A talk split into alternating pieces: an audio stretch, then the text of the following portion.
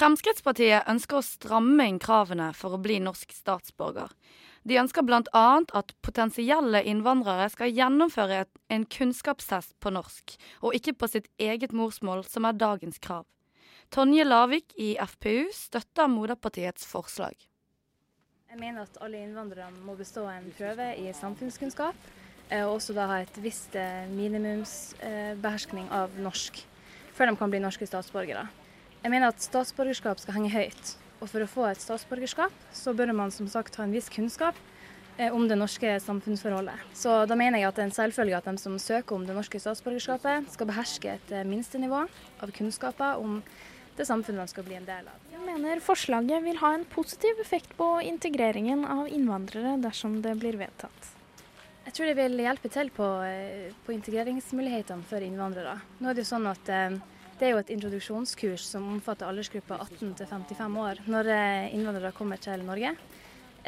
Som varer normalt i to år med 37,5 timer i uka, og så litt ferier innimellom. Og jeg mener at det forbedrer eh, altså forbedrer mulighetene, til at innvandrerne kan eh, forberede seg på et eventuelt yrkesliv, og, og vil også gi grunnleggende ferdigheter i det norske språket og i innsikt i det norske samfunnslivet. Selv om de ønsker å stramme inn kravene, finnes det også unntak her. Det må jo være mulighet til å se på f.eks. hvis det finnes, eh, finnes folk som er analfabeter, for å ta det som et eksempel, så må det være mulighet til å tilrettelegge ved en eventuell muntlig avleggelse av prøven. Det ser ut til å være bred enighet eh, rundt FrPs nye forslag eh, blant folk flest. I'm from Latvia, and we are doing like that, same.